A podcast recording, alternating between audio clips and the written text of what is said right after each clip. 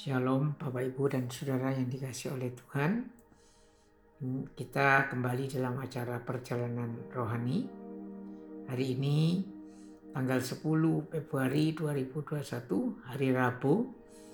Dan teks bacaan kita pada hari ini diambil dari kejadian pasal yang ke-6 ayat yang kelima sampai dengan ayat yang ke-8.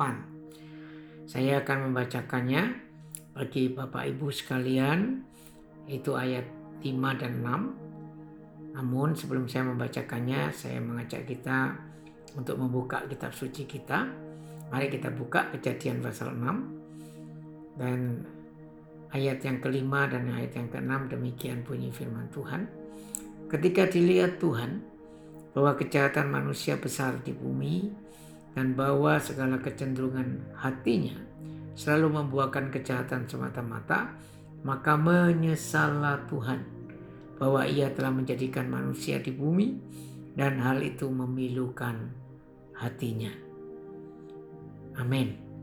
Bapak, Ibu, dan Saudara yang dikasihi oleh Tuhan, Sobat MSK, di mana pun Bapak, Ibu, dan Saudara berada, bacaan kita hari ini mengungkapkan tentang keberdosaan manusia.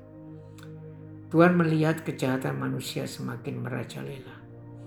Kecenderungan hatinya membuahkan kejahatan. Terungkap dalam ayat yang kelima. Maka menyesalah Tuhan atas tindakan manusia itu. Kalimat menyesalah Tuhan memiliki arti bahwa hidup manusia itu telah menyedihkan hati Tuhan. Tuhan akan membinasakan ciptaannya. Ada dalam ayat yang ketujuh. Akan tetapi Tuhan menyisakan Nuh yang mendapatkan kasih karunia di mata Tuhan. Ada dalam ayat yang ke-8. Dari sekian banyak manusia di bumi, ternyata ada satu orang yang benar di mata Tuhan. Di sini sekali lagi kita belajar bahwa di tengah keberdosaan manusia, Tuhan masih menyatakan kasih dan anugerahnya kepada orang-orang yang ia kasihi dan yang ia pilih.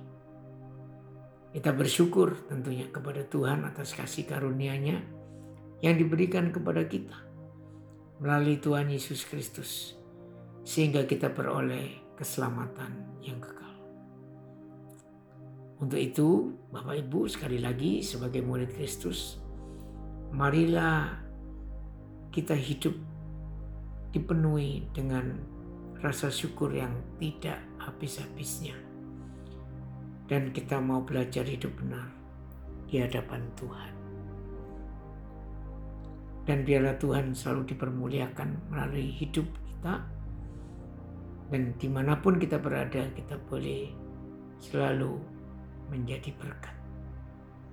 Kiranya Tuhan memberkati Bapak Ibu sekalian dan pertanyaan refleksinya sekarang adalah bagaimana selama ini hidup kita di hadapan Tuhan.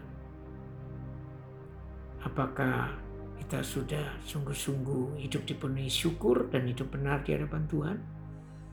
Atau sebaliknya, kita justru banyak hidup kita menjadi batu sandungan bagi orang lain. Sehingga Tuhan tidak dipermuliakan. Lalu apa yang harus kita lakukan? Supaya hidup kita menjadi alat bagi kemuliaan nama Tuhan. Tuhan memberkati Bapak Ibu dan Saudara sekalian. Amin.